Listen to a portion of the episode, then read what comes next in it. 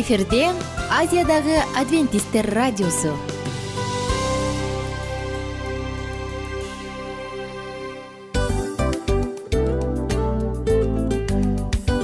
Достор салют. Баардык сүйүктүү угармандарыбызга салам айтабыз. Кутман күнүңүздөр менен. Ден соолук өмүрдүн булагы демекчи саламат саамы программасында баарыңыздарды көргөнүбүзгө абдан кубанычтабыз. Анда алгач амандашып өтөлү арбаңыздар деп. Ден соолугуңуздар кандай элибизде көбүнчө ден соолук кандай дегенде эле жакшы деп жооп беребиз э? ооруп турсак дагы жакшы дейбиз. Анан мен муну айтып ойлойт элем бул абдан сонун сөз депчи анткени бул жакшы деген үмүт да э баары жакшы болот баары сонун. Деп үмүттөнүп атып эле өзүбүздү өзүбүз дарылап коебуз. Анысы кандай? Сиздин дагы ден соолугуңуз жакшы беш деген үмүттөбүз чындыгында ден соолук бул өмүрдүн булагы деп бекеринен айтылган эмес деп ойлойм. Кыргыз элинде. Анткени эгерде ден соолук жок болсо анда адамдын жашоосунда калган баардык керектүү маңыздуу нерселер өзүнүн баалуулугун жоготуп коет. Ошондуктан ден соолук бул эң керектүү нерсе. Ооба туура айтасың кесиптешим. Чынында ден соолугуң жок бир эки үч күн ооруп калсаң эле кандай болуп калат? Жашоодо көз каранды болуп каласың көп нерсеге жетишпей каласың көп нерсени кыла албай каласың жада калса эшикке дүкөнгө да чыга албай каласың. Туп туура анан ден соолук болсо демек биз биздин бактыбыз тотой деп койсок болот.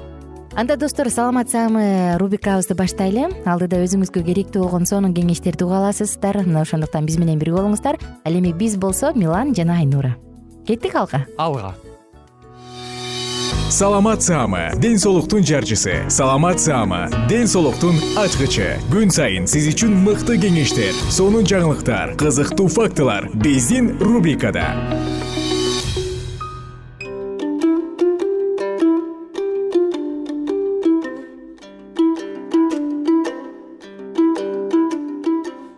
амансызбы ардактуу угарман кайрадан сиздердин назарыңыздарда ден соолуктун ачкычтары программасында кездешип жатканыбызга өтө кубанычтабыз. Бүгүнкү программабыздын чыгарылышында биз кайрадан эле ден соолук жаатына сапар тартмакчыбыз. Анда эмесе бүгүнкү программабыздын темасы менен тааныштырып өтсөм дары дармектер туурасында болмокчу. Деги эле дары дармектер э, замбыректен таранчыны атууга барабар экен. Э, ал эми ушул жаатта э, дарынын адам баласынын жашоосуна тийгизген э, түздөн түз терс таасири жана ошондой эле пайдалуу жактары туурасында кеп козгомокчубуз. Анда эмесе биз менен болуңуздар. Негизи эле денедеги эң жакшы дары бул биздин иммунитет деп коет эмеспизби. Ошон үчүн иммунитетти сакташ үчүн биз чара көрсөк анда эч кандай дарынын деле бизге кереги жок экен ооба чындап эле кесиптеш сенин оюңа толугу менен кошулам. Кандайдыр бир ушул антибиотиктерди же дары дармектерди колдонуунун ордуна адам баласынын иммунитети өзү күчтүү болсо ооруну ошол иммунитет өзү эле жеңет эмеспи андыктан э, кээ бир учурда биз бир аз кичине эле ооруй калсак эле э, баягы дары иче калганга же антибиотиктерди жута калганга эле шашылат эмеспи тескерисинче ошол дарыларды колдонуунун ордуна сиздин иммунитетиңиз күчтүү болгон болсо албетте. Анда дары дармектин деле иче бериштин кажети жок болуш керек мисалы э, сас тумоо болуп калсаң эмне кылыш керек?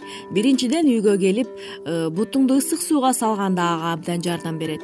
Мисалы лимон менен бал кошуп чай ичип жатып алса дагы өзүнүн пайдасын тийгизет. Ооба чындап эле сен айтсаң мен да эстеп кеттим. Биз кичинекей бала чагыбызда эч кандай дары дармексиз эле э, апаларыбыз биздин баягы чоң энелерибиз ушул кичине бир аз сасык тумоо болуп калсаң эле дароо ушул сен айткандай сууну ыкчам кылып алып анан бутубузду сууга салып арча түтөтүп анан ушундай бир нерселер менен мындай дарылаганга аракет кылышчу эле да. Азыркы учурда көпчүлүктөр э, кичине эле бир аз неберелери ооруп калса мүмкүн э, үйдөн балдар ооруп калса эле э, сөзсүз түрдө баарыбыз эле дарыкананы көздөй чуркайт эмеспизби ооба дагы чоң апалардын эң жакшы бир даарысы бар бул койдун майы деген даарыны уктуң беле ооба ооба жөтөл ооруларына чалдыгып калган учурда чоң энелерибиз э, койдун майын ала калып эле жылытып эле анан көкүрөгүбүзгө шыбай салганда эле э, эртеси күнү баягы дарттын эч кандай бир изи да калбай эле жакшынакай болуп эртеси күнү чуркап томполоңдо ойноп кетчү эмес белек. Азыр бул дарыларды э, эске да келтиришпейт адамдар анткени аябай көп дарылар чыгып калган эмеспи азыр? э, кичине сас туmoолоп калсак эле тайлалхот ичип жиберебиз же дагы бир дарыларды ичип жиберебиз. Ошол тайлалхот же башка дарылар биздин иммундук системаны өлтүрүп ар кандай ооруларга күрөшүү жөндөмдүнүн да алсыздатат экен мисалга кан басымын жөнгө салуу дарыларды алалы. Алар дал ошол кеңири колдонуучу жана абдан эффективдүү деген дарыларга кирет. Бирок алар чалыккандык ал кетүү уйку келтирүүчү баш оору депрессия баш айлануу терчилдик ич көбүү тамак сиңирүүнүн бузулушу эмоционалдык туруксуздук э, тилдин булдуруктоосу импотенция сыяктуу кошумча көп жагымсыз абалдарга алып келет. Мындай дарыларга муктаж адамдар аларга туура келүүчү дарыларды табыш үчүн алардын ар кандай түрлөрүн карап чыгышат. Дээрлик ар күнү жаңы мурдагы эффективдүү дарылар жасалат да эскилери өрттөлүп турат. Бирок баары бир адамдын организмине кандайдыр бир зыян келтирген идеалдуу дары али табыла элек ооба чындап эле жогоруда кесиптешим айтып өткөндөй кымбаттуу угармандарыбыз э, бүгүнкү күндө адам баласынын дартына даба боло турчу э, өзгөчө бир э, орусча айтканда баягы уникалдуу дары дармектер табыла элек болуш керек. Ооба ар бир дарыда белгилүү бир тобокелчилик бар. Ошондуктан кайсы бир дарыны ичээрден мурда баарын таразалап көрүү керек антибиотик кабыл алып жаткан адамга бактериялык инфекция ал ичип жаткан дарыга караганда азыраак зыян алып келет. Диабеттин биринчи түрүн жапа чеккен адамга инсулин керек. Бирок баш ооруп жатканда адам аспиринге кол созоордон мурда тез тез басып сейилдөө же уктоого аракет кылса болот. Зыянсыз деп аталган дары аягында андай болбой чыккандыгы аспирин эң жакшы мисал боло алат көптөгөн жылдар бою кичине эле баш ооруп калса же температура көтөрүлсө кишилер аспирин ичип алышчу. Бүгүн ал дары менен рейестин синдромун көп учурда өлүм менен аяктачу балдардын оорусуна байланыштырып жүрүшөт. Аспирин ашказан жарасына жана кан агууга жардамчы. Стоматологдор менен хирургдар өз пациенттерин хирургиялык операция алдында аспиринди колдонуу токтотулсун деп айтышат. Андыктан э, дароо эле баягы башыңыз ооруп же дене табыңыз көтөрүлүп кандайдыр бир өзүңүздү ыңгайсыз абалда сезип жаткан болсоңуз э, көп учурда эле биз баягы э, ар кандай антибиотиктерди же ошол аспириндерди баш ооруу дарыларын иче койгонго өтө жөндөмдүү келет эмеспизби. Демек бул дагы бара бара отуруп акырындык менен кандайдыр бир убакыттын өтүшү менен сиздин иммундук системаңызды э, талкалаган башкача айтканда алсыратканга бул дарылар өтө эле бир чоң душман сыяктуу экен. Ошондуктан э, эч качан э, кандайдыр бир алсыроону чарчоону же баш ооруну сезип жатсаңыз дары ичпей эле койгоңуз жакшы экен. Азыр дагы мисалга алсак рецептсиз сатылуучу эт оорутпаган таблеткалар жана суукка учураганда ичүүчү дарылар айрым адамдардын бөйрөктөрүнө доо келтирет. Кан басымын көзөмөлдөө үчүн кеңири колдонуучу э, сыртынан зыянсыз көрүнгөн зара кубалоочу таблеткалар кандагы холестериндин деңгээлин көтөрөт жана муун ооруларын мисалга подагра э, диабетти жана бөйрөк ооруларын өөрчүтүп жибериши ыктымал жада калса өмүрдү сактап калуучу антибиотиктер да бир катар проблемаларды алып келет. Алардын ичинен аллергиялык реакциялар кан айлануунун бузулушу жүрөк айлануу окшуттуу ич өткөктөр да бар өзүңүздүн иммундук системаңыздын күчтүү болушун кааласаңыз анда бүгүнкү учурдагы химиялык жолдор менен чыгарылып жаткан дары дармектерден кыскасы антибиотиктерден алыс болгонго оолак болгонуңуз эле оң экен. Ал эми урматтуу достор эч убакта оорубаңыздар бар болуңуздар аман болуңуздар ден соолугуңуздар чың болсун деген тилек менен бүгүнкү программабызды жыйынтыктайбыз. Сак саламатта болуңуз саламат саама ден соолуктун жарчысы. Саламат саама ден соолуктун ачкычы. Күн сайын сиз үчүн мыкты кеңештер сонун жаңылыктар кызыктуу фактылар биздин рубрикада.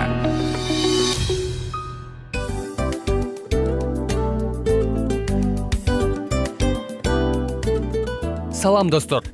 Ачуу душман акыл дос.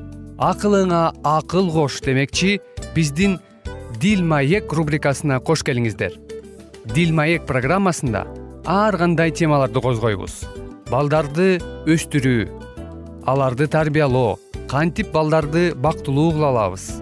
Жана кыз жигит ортосундагы мамилелер кыз жигит ортосуна кантип нукура таза сүйүүгө жетсе болот? Бактылуу үй бүлө куруунун кеңештери ар кандай сырлары жеке өсүү жана ар кандай кызыктуу чыгармачыл программаларга арналган рубрикабызга кош келиңиздер. Эмне үчүн дил маек? Анткени дил маек эки адамдын баарлашуусу сырдашуусу. Сизди да биз менен сырдашууга чакырабыз. Анда эмесе кийинки он мүнөттүк убакытта сиздер менен чын жүрөктөн сырдашып баарлашабыз. Даяр болсоңуздар анда кеттик. Ар түрдүү ардактуу кесип ээлеринен алтын сөздөр жүрөк ачышкан сыр чачышкан сонун маек. Дил маек рубрикасында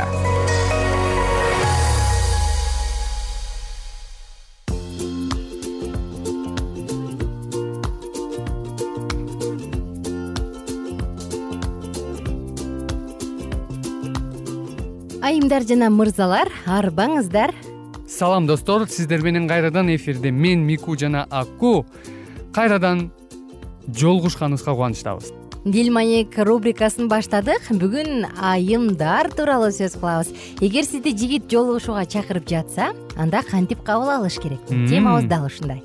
Кыздар эгерде сиздер бизди азыр угуп жатсаңыздар анда албетте бул тема сиздерге кызыктуураак болот. Анткени Э, кантип даярданыш керек эмне кылыш керек эмнелерди унутпаш керек анын баары сиздерге керек. Ошон үчүн аку жакшы бир баалуу кеңештерди берет. Бирок эркектер силер дагы чамданыңыздар силер дагы арыбаңыздар э, биздин уктуруудан алыс кетпеңиздер. Анткени бул кеңештердин бизге дагы пайдасы тиет. Эмнеге? Анан айтам. Ооба да негизи эле мырзалар деле баягы кызды жолугушууга чакыргандан кийин э кандай реакция кылды эмне деди үнүн анан ар бир тонун ар бир манерасын байкайт да. Ооба. Анан мен ага жагамбы же жакпаймбы? деген суроого ушул жерден жыйынтык чыгарып келет.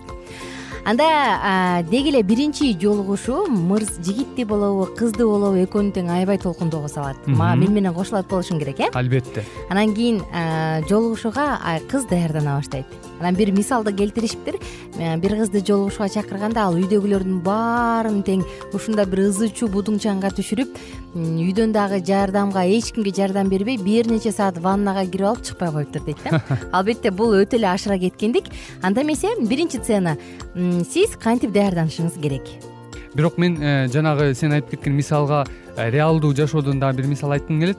Бир кыз ошентип биринчи жолу жолугушууга чакырыптыр да эч качан бирөө менен сүйлөшүп көргөн эмес экен эч качан бирөө менен жолугушуп көргөн эмес экен анан ушундай свиданияга чыгып келбейлиби деген чакырууну кабыл алып анан үй бүлөсү менен ушунчалык баары чогуу даярданышат экен. Мамасы атасы ити мышыгы иши кылып жок бул чын эле реалдуубу реалдуу болгон баардыгы тең мындай кыл тигиндей кыл акчасын берип кийиндирип барып тигиндей кыл мындай иши кылып эми албетте жигитке жактеп же эмнеге тамашалуу көрүнөт бирок чындыгында бул бүт үй бүлөсү менен даярданыптыр да. Ушундай да болот экен кызык. эң. Эле алгач сизди жолугушууга чакырган кезде телефон чырылдайбы же эшик кагылабы же жөн гана жолугушууда бир жерден жолугуп чакырабы кыздардын жүрөгүчү мику? Ой кандай гана согот сен аны элестете албайсың да. Ал сенин көкүрөгүңдөн эмес э, могу мойнуңдан кагылып аткандай башыңан согуп аткандай сезилип укмуш бир пульс байкалат. Апийда катуу катуу согула баштайт. Элестетип көр. Кызык бекен э? кызык экен анан эмне экен анан?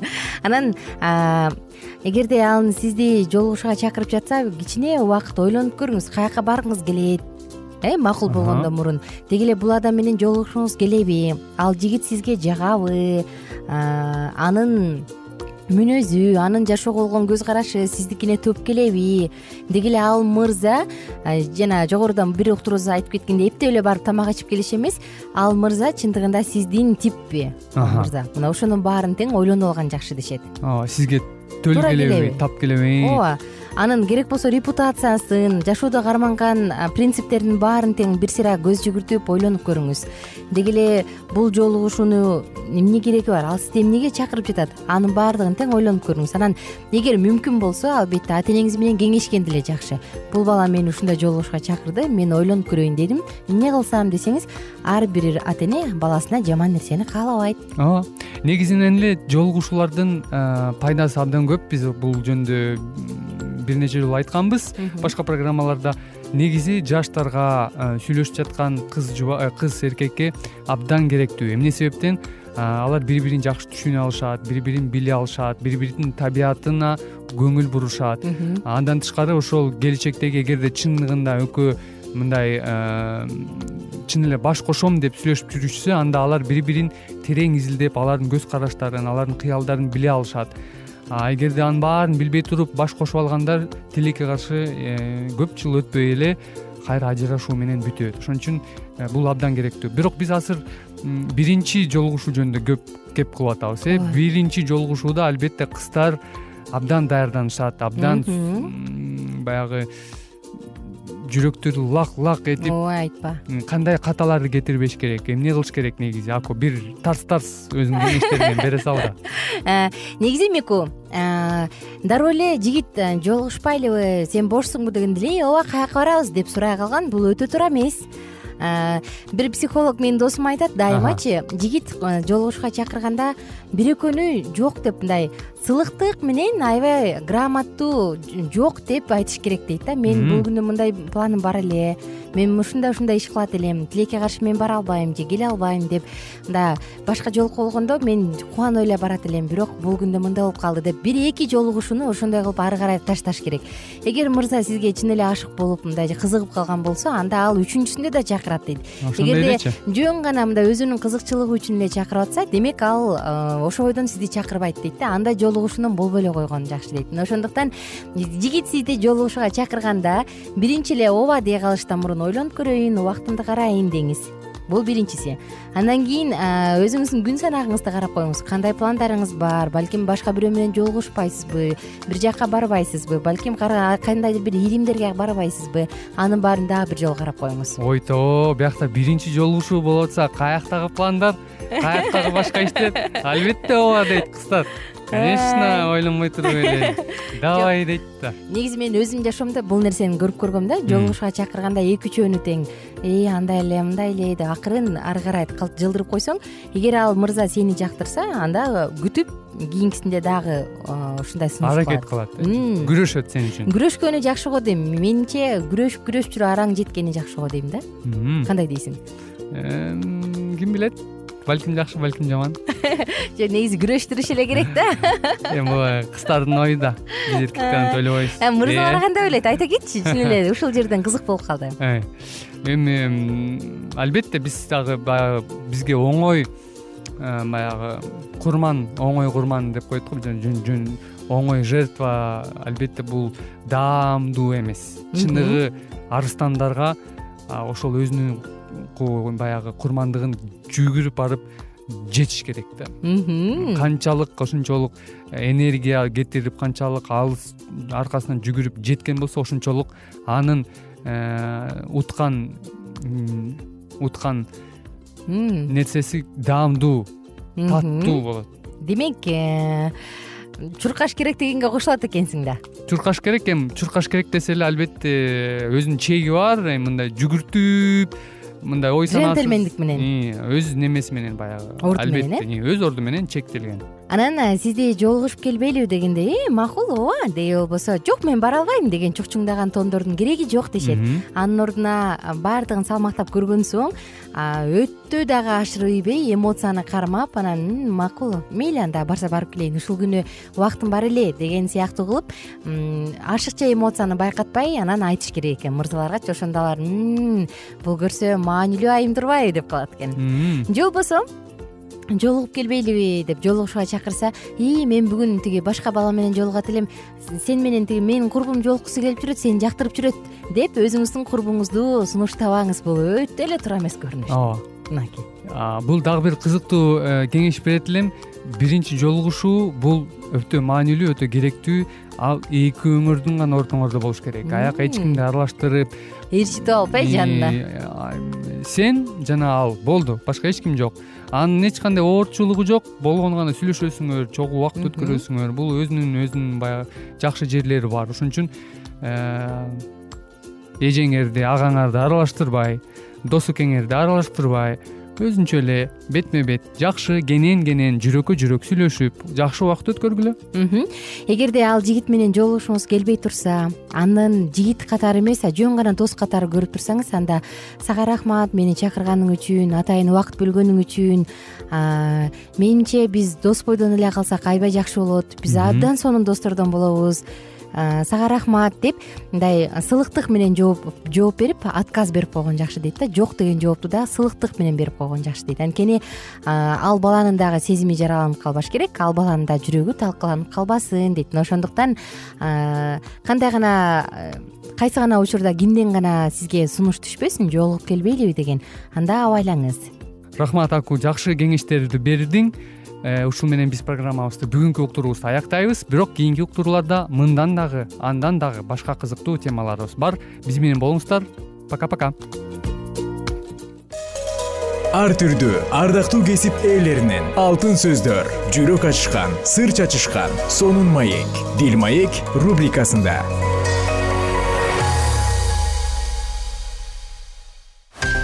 жан дүйнөңдү байыткан жүрөгүңдү азыктанткан жашооңо маңыз тартуулаган жан азык рубрикасы.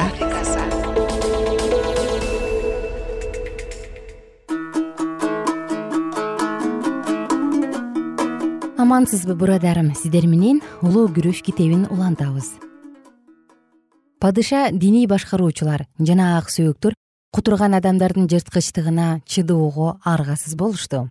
Падышага өкүм чыгаруу өч алуунун отун андан дагы катуу жалындатып жана ага өкүм чыгаргандардын өздөрү дагы көп убакыт өтпөстөн ошол от жагыла турган секичеге чыгышкан. Өлүм. Ушул чечим ким революциянын душманы саналса ошолордун баарына бирдей чыгарылган чечим болчу. Түрмөлөр толуп бир эле мезгилде анын ичинде эки жүз миң адам кыйналган. Революционерлердин арасында дагы токтолбогон күрөш жүрүп турган. Жана франция өтө чоң майдан талаасына кумардын ээн баштыгына айланды. Парижде бир козголоңдун артынан экинчиси башталып турду. Анын тургундары бири бирин өлтүрүүнү каалашкан көп сандаган партияларга бөлүнүшкөн. Жалпы болуп жаткан бүлгүндөр франциянын башка европадагы күчтүү мамлекеттер менен кыйратуучу согуштарына түрткү берген. Мамлекет толук кыйрап калуу коркунучунда турду. Аскерлерге акча каражаттары керек болчу париждиктер ачтан өлүп жатышты. Каракчылардын тобу аймактарды талап тоношту жана цивилизация тартипсиздик жана бузукулук менен кыйратылып бара жатты. Калайык калк рим үйрөтүп кеткен зумбулуктун сабактарын абдан жакшы үйрөнүп алышты. Жана мына ушинтип өч алуу күнү дагы келип жетти. Эми түрмөлөрдү толтурган жана өрттөөчү жайларда канын төккөн ыйсанын шакирттери эмес эле. Алар көп убакыт мурда эле өлүшүп же куугунтукта болушкан ырайымсыз рим эми өздөрү камкордукка үйрөтүшкөн адамдардын өлтүрүүчү күчтөрүн сезүүлөрү керек болгон.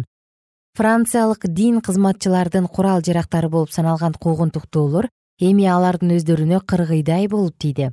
Өрттөөчү секичилердин дин кызматчыларынын кандарына толтуруп жатты. Галералар жана түрмөлөр бир кезде гугенотторго толгон болсо эми болсо алардын куугунтуктоочуларынын жайы болду отургучтарга жана суу калактарына чынжырлар менен кишенделген католик дин кызматчылары эми гана еретиктерге каршы өздөрүнүн кылган кайсы азаптарын өздөрүн сезишкен.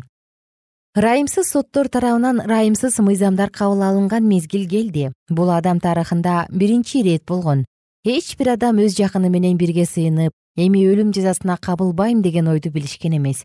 Анткени тыңчылар ар бир бурчта сак турушкан эртеден кечке баш кесүүчү куралдар тынымсыз иштеген түрмөлөргө адамдар толтурулуп жана суу аккан трубалардан сена дарыясына адам каны агып турган. Ошол мезгилдерде париждин көчөлөрүндө күнүгө арканга байланган адамдардын узун тизмеги өлүм жазасына кабылышып өтүп турушту. Жана департаменттин жогорку комитети аркылуу жиберилген адамдар париж элестете албагандай мыкаачылык менен аракет иштерин жасашкан баш кесүүчү куралдардын бычактары акырындык менен көтөрүлүп жана өз ишин аткарууга ылдый түшүп жатты. Жана көптөгөн адамдар картечтердин окторуна кабылышты.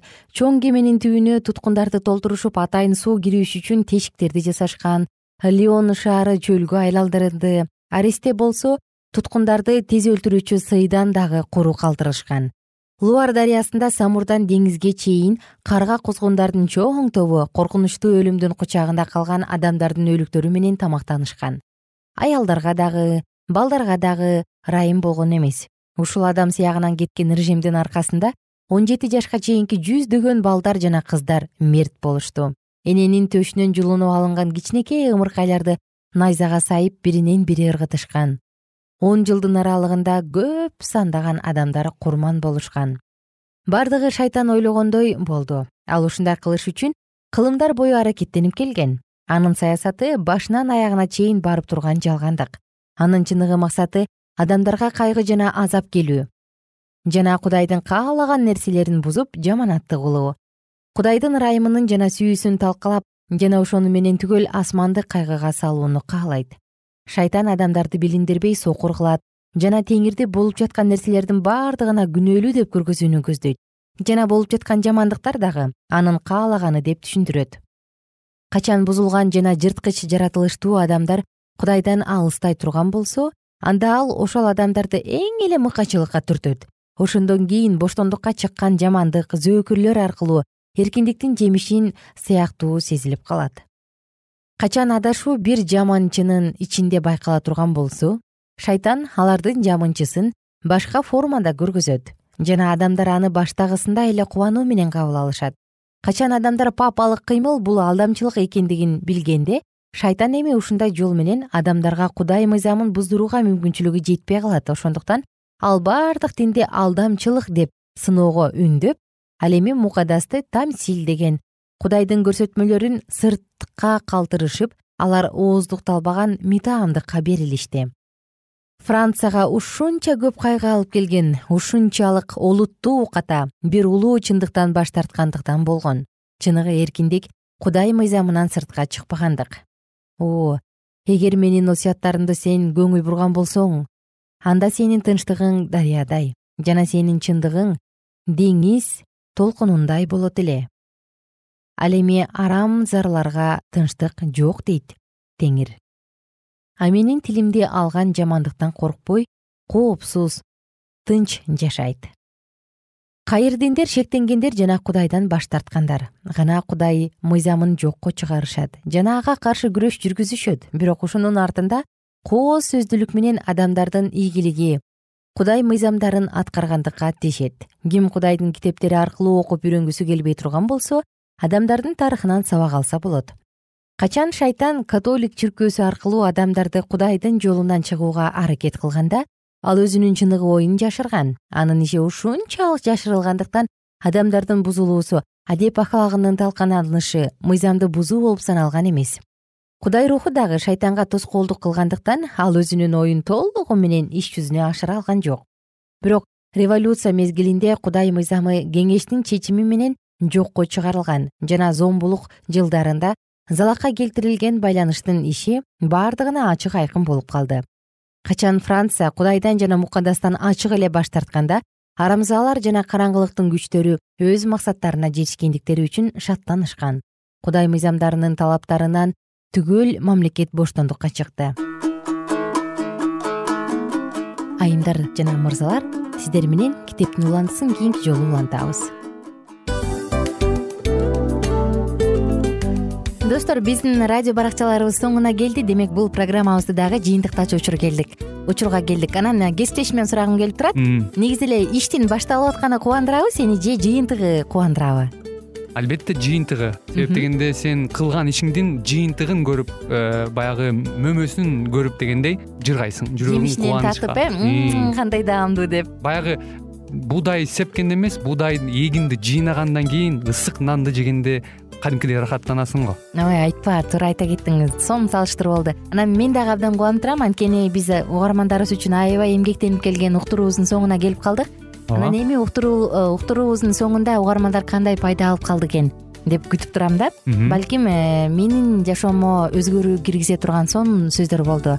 Мен ушул нерсени изилдеп анан кабыл албасам ушул нерсени кылбасам деген чечим чыгарсаңыз анда биз абдан кубанычтабыз. Сөзсүз түрдө андыктан кийинки биздин кызыктуу уктурууларыбыздан көрүшкөнчө сак саламатта калыңыздар. Чыдамсыздык менен сиздерди мен милан жана кесиптешим айнура күтөбүз.